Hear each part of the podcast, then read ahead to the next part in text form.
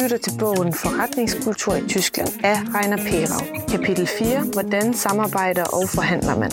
Møder tages meget seriøst i Tyskland, er nøje planlagt og følger en formel procedure. Tyskere tager udgangspunkt i præcise og detaljerede dagsordner, som følges til punkt og prikke. Møder skal skabe resultater, derfor er det vigtigt at overholde dagsordner.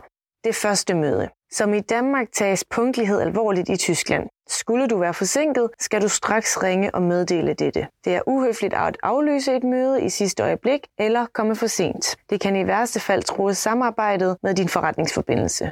Deltagere skal ankomme til tiden og huske den formelle dresscode. Møder i Tyskland overholder strengt dagsordner herunder start- og sluttider. Det anbefales at komme i god tid, da et aftalt mødetidspunkt er lige med starttidspunktet. Du kan derfor opleve, at tyskere allerede sidder klar på deres pladser 15.55 og kun venter på mødets start kl. 16. Ved fremmøde hilser du først på din kontaktperson, efterfølgende introduceres eventuelle ledsagere. Et solidt håndtryk ledsaget af et let og venligt smil, er en generelt accepteret hilsen i Tyskland. Husk her den direkte øjenkontakt, som er meget vigtig for tyskere. Din kontaktperson vil sørge for at introducere dig til eventuelle andre mødedeltagere og sin overordnede. Er din kontaktperson ikke til stede, hilses der efter rangordenen. Husk titel og efternavn. Der udveksles visitkort. Her gælder det om, at du som besøgende starter med at give kortet til den overordnede. Er hierarkiet ikke genkendeligt, fordeles visitkortene på række. Læs visitkortet, der mange gange også giver oplysninger om din kontaktpersons uddannelse.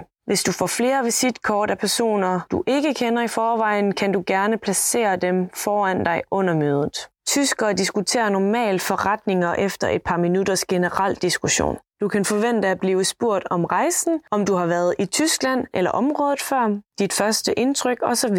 Det forventes, at du giver korte og præcise svar, så mødet kan starte til tiden. Kender du allerede din forretningspartner, kan du snilt udvide emnet til politik, sport eller andre interesser, du har kendskab til. Selvom folk har en tendens til at være høflige og gæstfri over for hinanden, skal fysiske og følelsesmæssige udtryk holdes på et minimum ved de første introduktioner. Inden mødets start er det vigtigt at have følgende ting i mente. Din mobiltelefon skal være slukket eller indstillet på lydløs. Hvis du eller din forretningspartner venter et vigtigt opkald under mødet, bliver det accepteret, hvis det meddeles i god tid. Dog vær klar over, at tyskere lægger meget vægt på det første indtryk, hvor et telefonopkald fra en anden virksomhed under mødet kan have en negativ indflydelse. Under mødet er det vigtigt at holde øjenkontakt med din tyske kollega, hvorved du signalerer, at du er fuldt koncentreret om personen og emnet for mødet. Under mødet er det vigtigt at holde øjenkontakt med dine tyske kollegaer, hvorved du signalerer, at du er fuldt koncentreret om personen og emnet for mødet. Under et oplæg bør du lytte opmærksom til oplægsholderen og tage noter uden at afbryde eller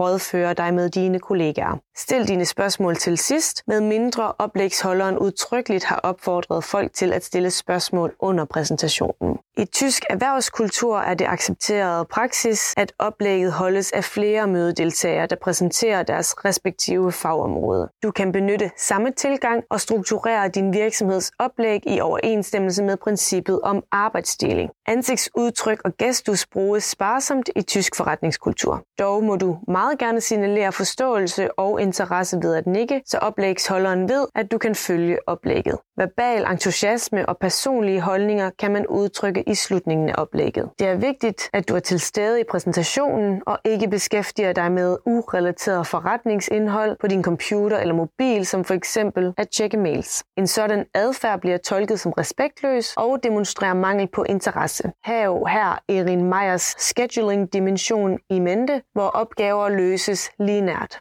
De fleste i Tyskland mener nemlig, at det ikke er muligt at gøre flere ting godt på samme tid. Forhandlingsproces. Tyskere er konkurrencedygtige, ambitiøse og hårde forhandlere. Forhandlinger med tyskere kendetegner sig dermed ved at være analytiske og faktuelle for at overbevise modparten. Forvent, at tyskerne altid kommer velforberedt til forhandlinger. Tyskerne er proaktive og prøver at forudse dine argumenter og spørgsmål for at udarbejde en omhyggelig, gennemtænkt strategi eller alternative løsningsforslag. Din præsentation bør derfor også indeholde mange grafer, empiriske argumenter og relevante statistikker. Rapporter, briefinger og præsentationer skal understøttes af fakta, tal, tabeller og diagrammer. Case-studier, referencer og konkrete eksempler er højt anset og stiller dig godt i det videre forhandlingsforløb. Husk, at du bevæger dig på et af verdens mest konkurrenceintensive markeder, og at tysker er sparsomlige og derfor meget prisbevidste. De får mange tilbud af gode og professionelle virksomheder. Din argumentation skal derfor være meget overbevisende. Spørgsmål skal besvares konkret og professionelt. Under forhandlingen bør du besvare direkte øjenkontakt, mens du taler, og vente til at få ordet. Mange tyskere kan ikke lide spontane kommentarer eller idéer under et oplæg, fordi de er vant til at finde løsninger på spørgsmål eller problemer en efter en. Eins nach dem anderen. På videnskabeligt sprog, Tyskland er en monokronisk kultur. Der kan altid forekomme pauser eller opstå spændinger under et møde. Her bør du ikke prøve at løse situationen ved hjælp af vidigheder eller kommentarer, især når du ikke kender din tyske samarbejdspartner særligt godt. Hvor danskere ofte er tilfredse med en afklaring af de store linjer, er tyskere mere detaljeorienterede. Tyskere insisterer på regulering af mindre detaljer, som bunder i tyskernes behov for at undgå usikkerhed. Beslutningsprocessen under forhandlingerne kan dermed også være langsommere end i andre europæiske lande. Forvent ikke at opnå et stort gennembrud efter et enkelt møde. Hvert aspekt af den aftale, du foreslår, vil blive diskuteret af dem, som er involveret på den anden side. Og mens tyske virksomheder er mere hierarkiske end danske, så betyder det ikke, at lederne tager beslutningen alene uden at konsultere medarbejderne. Derfor giver det mening at overbevise eksperten i virksomheden, som derefter vil overbevise sin chef. Forvent ikke at kunne fremskynde beslutningsprocessen. En utålmodig forretningsmand vil sandsynligvis ikke få samme respekt som en tålmodig person. Hvis tyskerne føler sig forhastet til at gennemføre en forretningsaftale, kan de opleve dette som manglende engagement og professionalisme. Du skal derfor være tålmodig og ikke irriteret over den nøje overholdelse af protokollen. Tysker er detaljeret og ønsker at forstå hvert punkt, før de kommer til enighed. Din opmærksomhed på detaljer vil ikke gå ubemærket hen hos dine tyske kollegaer og vil fremhæve din ægte vilje og begejstring for at gøre forretninger med dem. Efterarbejde og pleje af kontakter. Som regel holder tyske forretningsfolk sig til den aftale, som de mundtligt har indgået. I begyndelsen af et samarbejde kan der dog forekomme ændringer, som for eksempel ændring af kontaktperson eller andet, der kan have betydning for det videre forløb.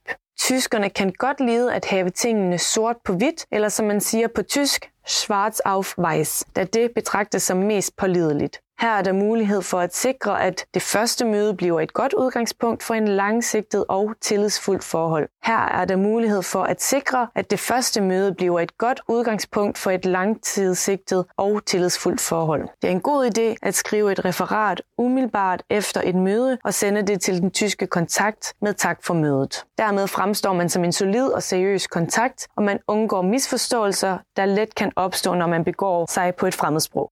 Opfølgning sker her via en e-mail med et resume af de enkelte punkter og eventuelle delegerede beslutninger, helst i løbet af 24 timer.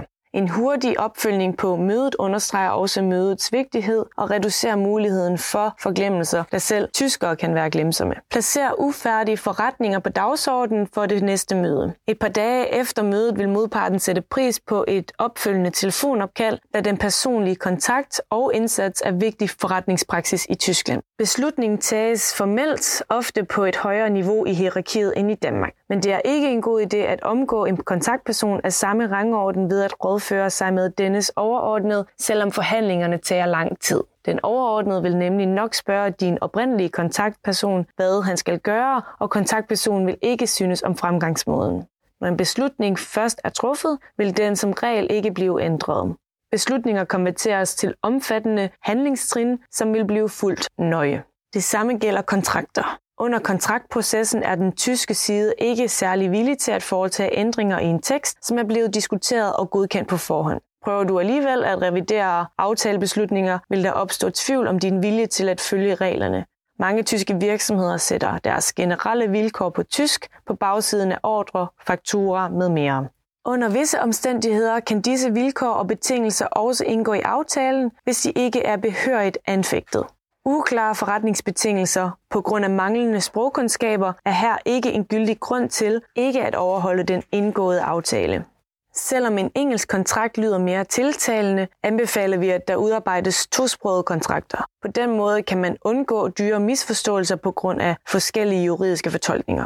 Eksempelvis kan man sagtens oversætte ejendomsforbehold til eigentumsforbehold eller retention of title. Men i alle tre retsordninger har begreberne lidt anderledes betydning. Kontakt gerne Dansk-Tysk Handelskammer i denne forbindelse. Samarbejde med tyskerne.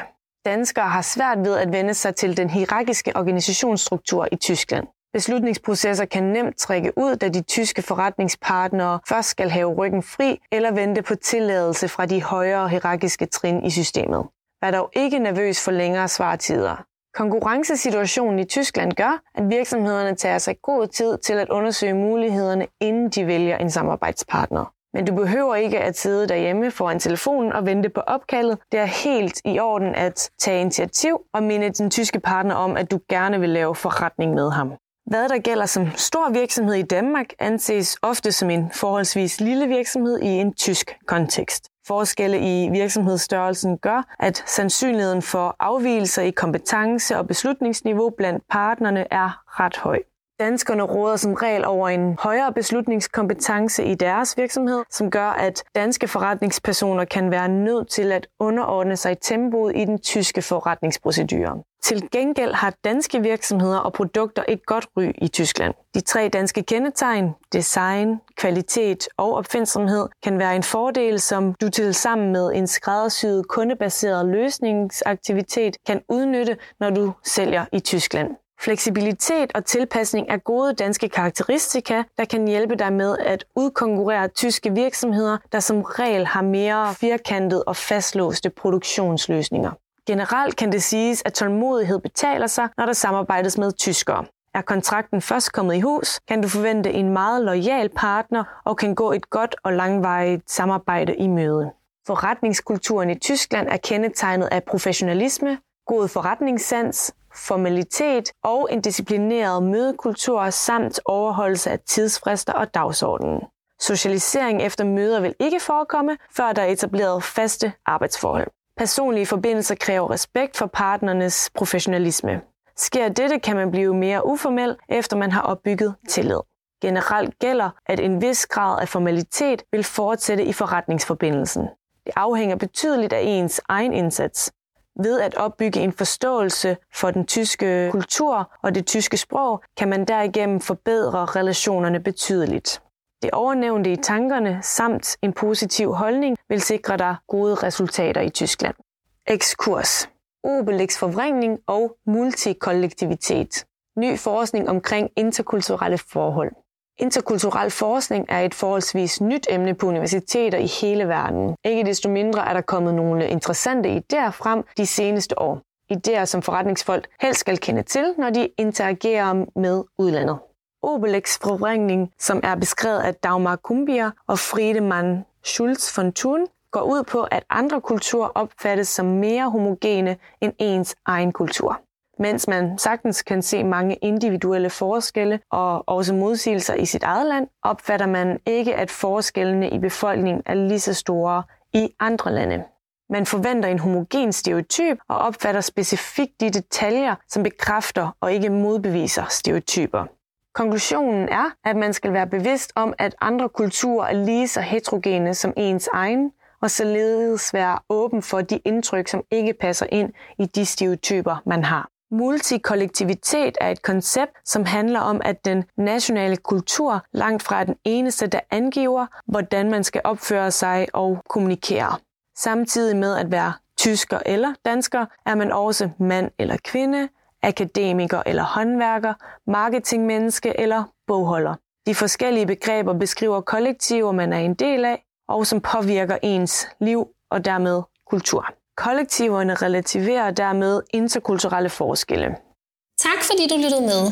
Hvis du har lyst til flere indblik i den dansk-tyske forretningsverden, kan du abonnere på vores podcast eller kigge forbi på vores hjemmeside på www.handelskammer.dk. Vi høres snart igen.